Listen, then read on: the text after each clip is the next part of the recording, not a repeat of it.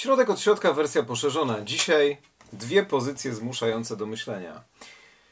Nie napisane w tym samym czasie, bo koreańska, e, koreański zestaw krótkich opowiadań nazywanych nowelami Kima Tongina o tytule Bataty powstał w latach dwudziestych. Przeważająca część tego zbioru.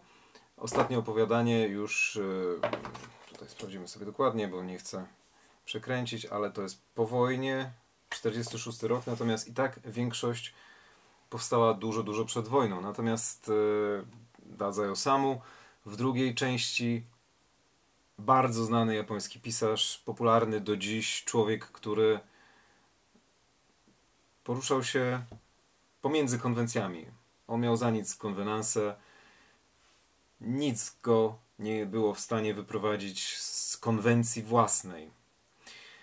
Człowiek, który napisał wiele, który cieszy się ogromnym szacunkiem do dziś. I tutaj wyjątkowo trochę nie reprezentatywna dla niego e, forma, mimo że też jest dużo jego, samego jego wyobraźni w tym, ale która powstała już podczas wojny, dlatego mieściłaby się w tym zestawieniu pod koniec książeczki. Są to krótkie opowiadania również, ale w formie baśni japońskich, znanych. E, Otogi Zoshi, Księga Japońskich Opowieści, bardzo znanych japońskich bajek, tak jakby my byśmy wzięli na warsztat polskie baśnie, tylko że przepuszczone przez ojca, który opowiada je córce w schronie podczas nalotów w Japonii, naloty oczywiście amerykańskie. Córka ma się nie bać.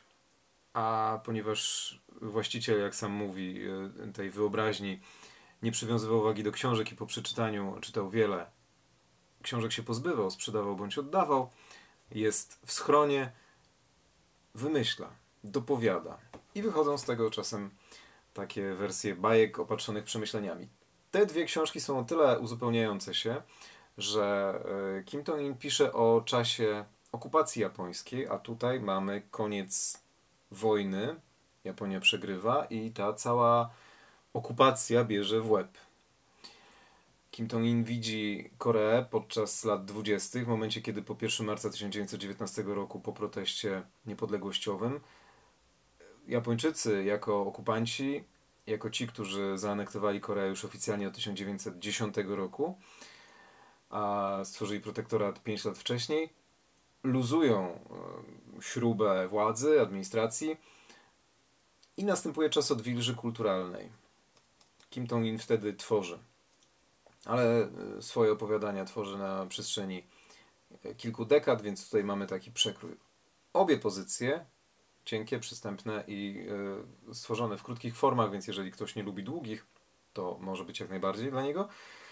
Są przygotowane przez wydawnictwo Dialog. Dzięki uprzejmości wydawnictwa mamy te dwie pozycje. I teraz co znajduje się w środku? Zaczynamy od wersji, znaczy od pozycji koreańskiej. Kilka opowiadań. W jednym z nich, o tytule Spod przymrużonych powiek, narratorką jest e, koreańska wersja gejszy. E, po koreańsku nazywa się to kisen, tak samo jak po japońsku. Nie chodzi o to, że jest to sprzedawanie ciała, ale umilanie czasu umiejętnościami sztuki. Śpiewanie, tańczenie, opowiadanie wierszy, zabawianie rozmową. I taka młoda dziewczyna przypadkiem spotyka na, e, na łodzi, płynie sobie łodzią, odpoczywa. Przypadkiem w drugą stronę widzi płynące uczennice, które zaczynają się z niej naśmiewać, twierdząc, tak żeby ona słyszała, mimo że dzieli ich pewna odległość, że one są lepsze, a tej koreańskiej gejszy, czyli Kisen, nic nie czeka. Jej uroda przeminie i ona zostanie potem pustym opakowaniem. Od tamtej pory dziewczyna zaczyna myśleć i opowiada tak. To jest 23 y, rok. Przemyślenia z lat 20. 23 rok, teraz mamy 2022. 99 lat temu spisane takie rzeczy w okupowanej przez Japończyków Korei. Co dla człowieka znaczy, żeby dalej żyć? Bo dziewczyny naprzeciwko Łodzi twierdzą, że ich życie będzie lepsze, bo będą żyć dłużej i cieszyć się tym, co mają. Więc Kiseng się zastanawia, co dla człowieka znaczy, żeby dalej żyć? Jedzenie, ubieranie się, praca. Znowu jedzenie, Spanie to samo następnego dnia. 50 lat byłoby tym samym, co następne 100 lat, więc jakie naprawdę znaczenie ma określenie dalej żyć? Ludzie często mówią przyjemnych snów. Czy istnieje różnica między przeżywaniem przyjemności na jawie, a przeżywaniem przyjemnego snu? Ci, którzy jej nie mają, chcą ją posiąść. Ci, którzy ją mają, chcą jeszcze więcej. Ludzie żyjący, swoim, ludzie żyjący swoim życiem nie mogą chcieć nic więcej niż zaspokajać własną chciwość. Jeśli umieranie młodo jest smutne, to czy starość niesie ze sobą jakąś nieoczekiwaną radość? Ten wątek zaraz powróci u japońskiego autora. Dalej. Kisem wraca do domu, widzi młodszego brata śpiącego, siada przy nim i zaczyna myśleć dalej. Jeszcze nie wiesz, kim jest człowiek, kim jest mężczyzna, kim jest Kisem. Poczujesz radość i zadowolenie ze wszystkiego, co zobaczysz. Będziesz chciał tańczyć i skakać z radości. Teraz nadchodzi ten czas. Ale wiatr i fale też cię znajdą. Te dni nie są zbyt odległe. Twoje niewinne oczy będą ronić łzy niepowodzenia. Nadejdzie czas, kiedy twoje delikatne serce nie wytrzyma. Ten dzień jest blisko. Ty, który nie masz najmniejszego pojęcia, czym jest głupota lub nieprzyzwoitość, jakże będziesz zdumiony, gdy nadejdzie taki dzień. Jak straszny będzie ten dzień. Ale nasz los jest zaplanowany z góry. Nie możemy go uniknąć. Co należy zrobić? Kympa, tak brzmi imię tej bohaterki, ścisnęła dłoń brata. Młoda dziewczyna na swojej drodze spotyka też, ma pecha dużego, e, spotyka jednego ze swoich klientów, on tutaj jest nazwany Y, który przychodzi ze swoim znajomym, Japończykiem, rozmawiają mężczyźni po japońsku. Dziewczyna zna ten język, więc słyszy, jak pogardliwie oni się wyrażają. Szczególnie ten przyprowadzony gość twierdzi, że ona nawet nie jest istotą ludzką, że jest takim opakowaniem pustym w środku, nie ma jej tam. Mężczyźni rozmawiają. Jeśli ona nie jest istotą rozumną, to czym jest? Y przerwał uwagę przyjaciela. Chcesz wiedzieć? Nowy gość skinął głową i zaśmiał się. Y siedział nieruchomo. Nie było odpowiedzi, więc on sam zdecydował się odpowiedzieć. Właściwie to nie powiem, żeby ona nie była istotą ludzką, ale czekaj, wiesz co? Ona nie jest istotą ludzką. Zdecydowanie nie. Ona jest nietoperzem. Nietoperzem. Nietoperzem chcesz powiedzieć, że dlatego, iż utrzymuje się z pracy nocą? Dokładnie tak. Jak nietoperz jest ptasim stworzeniem, który jednak nie należy do tego samego gatunku co ptaki, tak podobnie kiseń nie jest, jest istotą ludzką, ale nie należy do tego samego gatunku co ludzie. No i tutaj dziewczyna jest trafiona tym między oczy, no i myśli dalej. Kiedy życie się kończy? Potem widzi małą dziewczynkę, która. No to jest taki fragment. Ostatniego dnia festiwalu Kempe uległa błaganiom swojej młodszej siostry. Razem udały się do grobowca Kicia. Siostra kilkakrotnie o to prosiła, wreszcie około godziny drugiej wyszły z domu. Na ruchliwej ulicy można było spotkać wiele staranny, starannie ubratych, ubratych, ubranych mężatek. Chcę szybciej przeczytać. I mamy taki obraz. Dziewczyny zaczynają się huśtać na huśtawce. Jestem zmęczona. Najpierw trochę odpocznę, odparła Kępę. Ruszyła w stronę najbliższej sosny, usiadła pod nią. Kępę mało spała, nie jadła właściwie nic, spędzała dni na umartwianiu się. Jej ciało było ledwo żywe, no bo przez nią przepuszczono te wszystkie doświadczenia o nich. Ona o nich myśli, my o tym czytamy. Ona jest zmęczona. Jej ciało było ledwo żywe. Wcześniej nie spała przez całą noc, a teraz znalazła się w dużym, rozochoconym tłumie. Nie miała siły, by się huśtać. Spod przymrużonych powiek zauważyła, że Honion i Samwol już dawno zeszły z huśtawki, na górze bujała się inna dziewczyna. Za każdym razem, gdy huśtawka opadała do ziemi, słychać było odgłos szu. Jej szarpnięcia wstrząsały sosnową gałęzią, omal nie powodując jej złamania. Gałąź trzeszczała, a gdyby rzeczywiście pękła, dziewczyna, która beztrosko się na niej bujała, zginęłaby na miejscu. Kympe pomyślała o dziewczynce, która straciła życie spadając z muru na wzgórzu Moran. Zgasła jak płomień w latarni, jak płomyk świecy, jak znikający strumień, jak niedobry sen, bo wcześniej jest świadkiem tego, że oto ze wzgórza, z, z murku spadła w osuwisko dziewczynka mała. No i tłum chce jakoś nieść pomoc, ale ona już nie żyje. Jak płomyk świecy, jak znikający strumień, jak niedobry sen. Wiele słyszała krytycznych uwag o życiu, ale ze wszystkich tych tysięcy wypowiedzianych zdań, czyż któreś z nich było w stanie opisać moment tak straszny jak wczorajszy? Mała dziewczynka na chwilę przed śmiercią musiała wędrować po szczycie muru w poszukiwaniu kwiatów do zerwania. Pewnie myślała o tym, w co się ubrać następnego dnia, co zjeść później. Prawdopodobnie martwiła się, że nie poszła poprzedniego dnia na lekcję muzyki i spodziewała się, że skarci ją nauczycielka. Być może poczuła powiew tak przyjemny jak sen, taki jakiego inni już nie mogli doświadczyć. W następnej chwili była już bez życia, tuż pod tym murem. Koniec historii. Tej dziewczynki. Możliwe, że matka dziewczynki jeszcze nie słyszała o śmierci córki. Prawdopodobnie w tej chwili szyje dla niej letnią sukienkę, a może ma starszego brata, który spodziewa się powrotu siostry, szybko zjada deser przed jej przybyciem. Ale gdzie jest ta dziewczynka i o czym teraz myśli? Za chwilę to samo spotyka Kępę. Hej, chodźmy się pochuśtać. Kymciu krzyknęła w kierunku Kępę. Wokół jednej ręki owinęła sznur, wskoczyła żwawo na dwuosobową huśtawkę, jej ręce i nogi zadrżały. Kymciu pchnęła huśtawkę do tyłu. Kępę wsunęła nogi do przodu. Huśtawka zaczęła powoli się kołysać w przód i w tył. Pod nogami dwóch dziewcząt zmieniły się, mieniły się kolory miłożębu i indygo. Kępę z góry patrzyła na tłum pod sobą. Szu! Huśtawka wznosiła się wysoko do nieba. Nagle silny podmuch wiatru uderzył ją w czoło, nos i uszy. Daleko za sosnami pojawił się dach altany. Ładnie idzie w górę, zawołał głos z dołu. W tym momencie, czy to był los, czy przypadek, sama Kępę nie potrafiła tego wyjaśnić, poczuła, że jej prawa ręka nie, prawa ręka nie trzyma sznura huśtawki. W następnej chwili leżała już na ziemi. I tak, pośród wielkiego tłumu, maleńki pyłek, który unosił się nad tym miejscem, ledwo otworzył oczy, by rozejrzeć się po świecie i był zaskoczony jego ogromem. Nie mógł nawet wydać z siebie żadnego dźwięku i właśnie tam spadł na ziemię. Tu kończę swoje opowiadanie. Tekst zmienia się na kursywę. Chciałbym je kontynuować, ale pisanie tego tekstu poza sezonem nie jest zabawne. Gdy nadejdzie zima, autor nie będzie już taki twórczy. Odłóżmy zatem dłuższy fragment na inny raz, a tutaj chciałbym zakończyć ten ostatni akapit. W ten sposób ta historia staje się samodzielnym utworem. Listopad, li, przepraszam, lipiec, listopad 23. I koniec. Nie wiemy, czy ona umarła, czy nie. Prawdopodobnie tak. Ale czy na pewno? Bataty, Kim to Świetny zestaw opowiadań. A teraz e, Dadza Osamu, Urashima Taro, jeden z bohaterów znanych każdemu Japończykowi z baśni.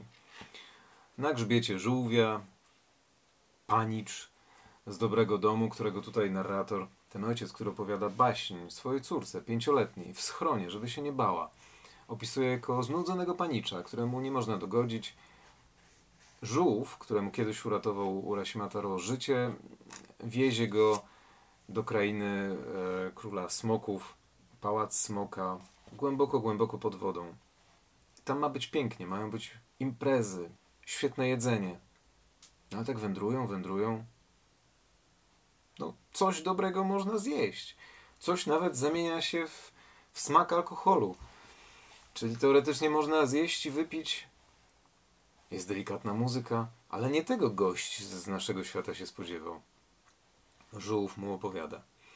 W Pałacu Smoka e, te fiołki, jeśli zjesz ich płatki, poczujesz przyjemne upojenie. W Pałacu Smoka pełnią funkcję alkoholu. Tamte głazy to glony. Rosną tu od tysięcy lat i przybrały formę kamieni. W istocie są delikatniejsze niż galaretka z czerwonej fasolki, smaczniejsze niż cokolwiek, co mógłbyś znaleźć na lądzie. Każdy głaz ma odmienny smak pałacu smoka jemy te glony, upajamy się płatkami kwiatów, kiedy jesteśmy spragnieni, że żujemy wiśnie. Po wiśniach żyje się dłużej. Słuchamy oczarowania, jak księżniczka gra na harfie, oglądamy taniec maleńkich rybek, które przypominają żywe, opadające płatki wiśni. Co na to powiesz? Kiedy cię tu zapraszałem, mówiłem, że pałac smoka to kraina pieśni i tańca, smacznego jadła i trunków. Miałeś inne wyobrażenie, przyznaj. Urasima uśmiechnął się z goryczą, ale nic nie odpowiedział. Cóż, wiem, jak to sobie wyobrażałeś, żółw mówi dalej. Gwar i huk. Mięso dorat i tuńczyków serwowane na wielkich talerzach, dziewczęta tańczące w czerwonych strojach, nieprzebrane stosy złota, srebra, koralu, adamaszku, brokatów. Nic z tych rzeczy. Na twarzy Urasimy malowała się uraza. Nie jestem aż takim prostakiem. Uważałem się jednak dotąd za człowieka samotnego. A tymczasem tutaj spotkałem kogoś, kto jest prawdziwie samotny i mój dotychczasowy zmanierowany styl życia wzbudził mój wstyd. Czym jest samotność zatem? Czym jest elegancja? Czym jest trzymanie fasonu cały czas? Żółw mówi dalej. Słowa kiełkują przecież z niepokoju, tak jak w przegniłej glebie wschodzą rdzawe, trujące grzyby, tak w niepewności życia fermentują słowa. Są wprawdzie także słowa radości, ale w nich tym bardziej widać ohydny wybieg. Ludzie pewnie wtedy wie... Ludzie pewnie nawet wtedy, gdy się radują, odczuwają niepokój. Słowa ludzi to po prostu wybieg. Są teatralne, w miejscu, gdzie brak niepokoju. Nie ma potrzeby uciekania się do paskudnych wybiegów. Nie słyszałem nigdy, by księżniczka wypowiedziała bodaj jedno słowo. Nie ma w niej jednak niczego z tej ukrytej zajadłości, tej tendencji do oceniania innych, jaka często cechuje ludzi milczących. Niczego nie osądza. Po prostu delikatnie się uśmiecha, gra na harfie spaceruje spokojnie po pałacu. Smakuje też płatki wiśni. Tak swobodnie i niefrasobliwie upływa jej czas. No to co? To może ta samotność nie jest zła. Ale Urashima twierdzi, ach, nieznośna jest ta samotność. Zawołał rozpaczliwie. Nie wiem dlaczego, ale to nie do zniesienia. Żółwiu, posłuchałbym twoich docinek, od dłuższego czasu nie odzywasz się ani słowem. Żółw płynął wciąż w milczeniu, zawzięcie poruszając płetwami. Złościsz się na mnie? Jesteś zły, dlatego że uciekam nagle, jak gość, który najadł się i bierze nogi za pas? Nie wyobrażaj sobie, właśnie dlatego nie cierpię ludzi z lądu. Chciałeś wracać? Więc wracasz. Mówiłem ci przecież, że możesz robić, co ci się żywnie podoba. No i co? Co jest w takim razie tą prawdą? Urashima w oryginalnej wersji bajki, na tym sobie zakończymy, mm, dostaje prezent z, z podwody. Muszlę, w której coś jest. Albo i nie ma, nie wiadomo. Ma jej nie otwierać. Ale on otwiera. Unosi się już na powierzchni. Unosi się dymek. Urashima jest nagle starszy o 300 lat. I okazuje się, że z jego świata już nie ma, no bo po 300 latach na górze, siłą rzeczy, nikt z rodziny nie jest w stanie utrzymać się przy życiu. No i czy to jest puszka Pandory, czy nie? Słabość człowieka, tutaj pisze Dazeo Samu, słabość człowieka sprawia, że czuje pokusę otwierania tego, czego otwierać nie powinien. I nie dotyczy to tylko Urasimy. W podobny sposób psychika człowieka ukazana jest w greckim micie o puszce Pandory. W przypadku puszki Pandory jednak bogowie od samego początku planowali zemstę. Podejrzewali z całą nikczemnością, że ich zakaz rozbudzi ciekawość Pandory, sprawi, że pewnego dnia otworzy ona otrzymaną puszkę. Tymczasem nasz poczciwy żółw ostrzegł Urasimę z całą szczerością. Świadczyły o tym także jego bezpośredniość i żarliwość. Sądzę, że można mu ufać. Jest z gruntu uczciwy. Nie ponosi więc odpowiedzialności za to, co stało się z Urasimą. Ręczę o tym z niewzruszoną pewnością, pisze Osamu, jako narrator, bo narrator jest nim. Pozostaje jednak jeszcze jedna kwestia, która nie daje nam spokoju. Kiedy Urasima otworzył utrzymaną w pałacu smoka muszlę, wydobył się z niej biały dym i w jednej chwili nasz bohater przeobraził się w trzystuletniego staruszka. Konkluzja zdaje się więc taka, że lepiej byłoby, gdyby nie otwierał muszli, że spotkał go przykry los i trzeba nad tym ubolewać. Tak powszechnie rozumiana jest opowieść Urasimie Taro. Mam jednak w tym względzie poważne zastrzeżenia. Jeśli tak byłoby w istocie, ów prezent z pałacu Smoka przypominałby puszkę Pandory pełną różnorakich ludzkich nieszczęść i plag, a księżniczka musiałaby go wręczyć z chęci zemsty lub pragnienia kary. Oznaczałoby to, że chociaż bez słowa i z łagodnym uśmiechem dawała Urasimie pełną swobodę, w głębi serca była surowa i nie dopuszczała, by robił to, co chciał, a prezent wręczyła mu, by go srogo ukarać. Albo też, jeśli by przyjąć mniej pesymistyczne wyjaśnienie, spłatała mu okrutnego figla, jak to zwykli czynić ludzie z arystokracji. Ale przecież to jest inny świat. Świat, w którym się nie mówi, nie po to, żeby wyjść na tego lepszego. Nie mówi się, bo wszystko jest. W którym niby miało być inaczej, ale jest tak, jak jest. I jest w skrócie spoko. No to jak jest? Naszymi kryteriami oceniamy coś, co nie jest nasze. To już jest błąd. Mamy do czynienia z baśniami, ale w sumie może i życie tak można oceniać.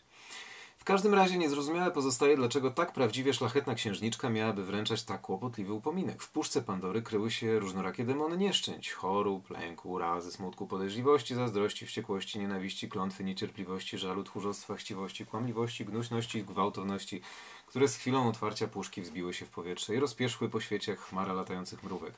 Pandora z przerażeniem wpatrywała się w ciemne dno pustego pojemnika, kiedy nagle dostrzegła na nim niewielki klejnot migoczący niczym gwiazda, na którym zapisane było jedno słowo nadzieja. Dzięki niemu do bladych lic Pandory na powrót napłynęło życie. Odtąd człowiek nękany przez różnorakie nieszczęścia za sprawą nadziei nabiera ducha i może mierzyć się z przeciwnościami losu. Natomiast upominek z Pałacu Smoka jest nieporównanie mniej złożony, zawierał jedynie dym. No i co z tym zrobić? Za jego sprawą człowiek zmienił się w trzystuletniego starca. Nawet jeśli na dnie muszli byłaby gwiazda zwana nadzieją, Urasima miał już 300 lat. Dawanie nadziei takiemu starcowi zakrawa na okrutny żart. Nie. Na nic by to się nie zdało. A co, gdyby na dnie była owa wspomniana wcześniej święta rezygnacja? Cóż, jednak mamy do czynienia z 300-letnim człowiekiem, który bez takiego efektowanego daru musi już doświadczać w swojej mierze, czym jest rezygnacja. Nie, to też na nic. Nic tu już nie pomoże. Nie pozostaje nic innego, jak uznać, że Urashima dostał potworny podarunek. Czyli znowu oceniamy naszą miarą, coś, co nie jest nasze. Spotkaliśmy się z kosmitami i jak będziemy z nimi rozmawiać? Jeśli jednak w tym miejscu się poddamy, ludzie Zachodu mogą być skłonni wypominać nam, że baśnie japońskie są okrutniejsze niż greckie mity. To dopiero byłoby utrapienie. Zatem także przez wzgląd na dobre imię naszego drogiego pałacu Smoka pragnę odnaleźć szlachetne znaczenie owego niezrozumiałego prezentu, jaki Urashima otrzymał. Może to i prawda, że kilka dni w pałacu Smoka oznacza setki lat na lądzie, ale nie było przecież potrzeby, by pakować te wszystkie lata i obciążać nimi Urasimę w postaci kłopotliwego upominku. Zrozumiałby jeszcze, gdyby, zrozumiałbym jeszcze, gdyby Urasima postarzał się z chwilą wynurzenia się z morza. Ale jeśli księżniczka chciała zachować Urasimę wiecznie młodym, nie musiała przecież wręczać mu tak niebezpiecznego podarku, którego lepiej byłoby nie otwierać. Mogła się pozbyć tej muszli w którymś zakamarku swojego pałacu. To tak, jakby, to tak jak gdyby prosić gościa, by wywoził ze sobą to, co wcześniej wydalił. Byłoby to podłe i niskie. Nie do pomyślenia jest, by księżniczka pełna świątobliwej rezygnacji zachowała się jak kłótliwa żona z baraku czynszowego, która chce dopiec swojemu mężowi. To niepojęte. Zastanawiałem się nad tym długo i wydaje mi się, że dopiero niedawno coś zrozumiałem. Otóż niesłusznie zakładamy, że te 300 lat było dla Urasimy nieszczęściem.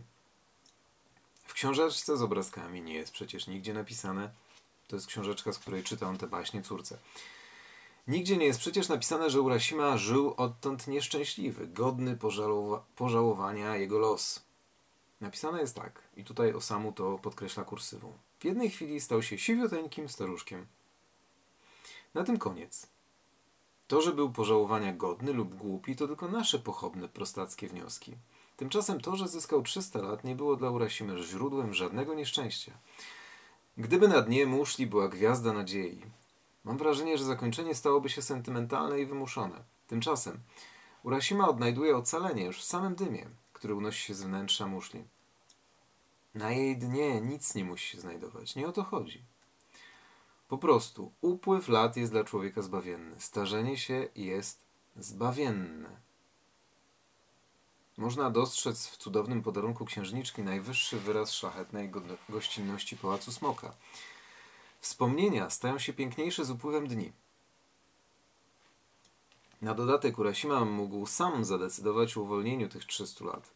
Ponownie otrzymał od księżniczki pozwolenie, by robić to, co chce. Gdyby nie odczuł samotności, być może nigdy nie otworzyłby muszli.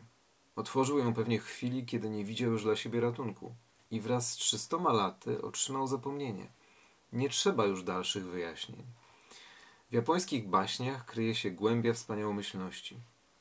Podobno Urashima przeżył później 10 lat jako szczęśliwy staruszek. Dwa narody, które żyły koło siebie cały czas, żyją do dziś. Przez chwilę stały się boleśnie bliższe niż Korea by chciała, a Japonia planowała. No bo nie tak miało się potem to wszystko zakończyć. Bataty. Kim To-in. Seria opowieści z Korei pod okupacją japońską, Korei, która musi się modernizować, żeby nie odstawać od świata oraz Otogi Zosi, księga japońskich opowieści Dadzaja Osamu, pisarza, który zrobił ogromne zamieszanie w japońskiej historii literatury i także społeczeństwa i pomagał Japończykom wynaleźć się na nowo, kiedy wojna została przegrana. A on sam potem popełnił samobójstwo. Jego legenda przeszła do wieczności. Przynajmniej jak na razie. Obie książki dzięki wydawnictwu Dialog, za co jeszcze raz dziękuję. Takich zderzeń z rozumieniem czegoś, co jest z pozoru niezrozumiałe, nie tylko na ten weekend, życząc wszystkim dziękuję za uwagę.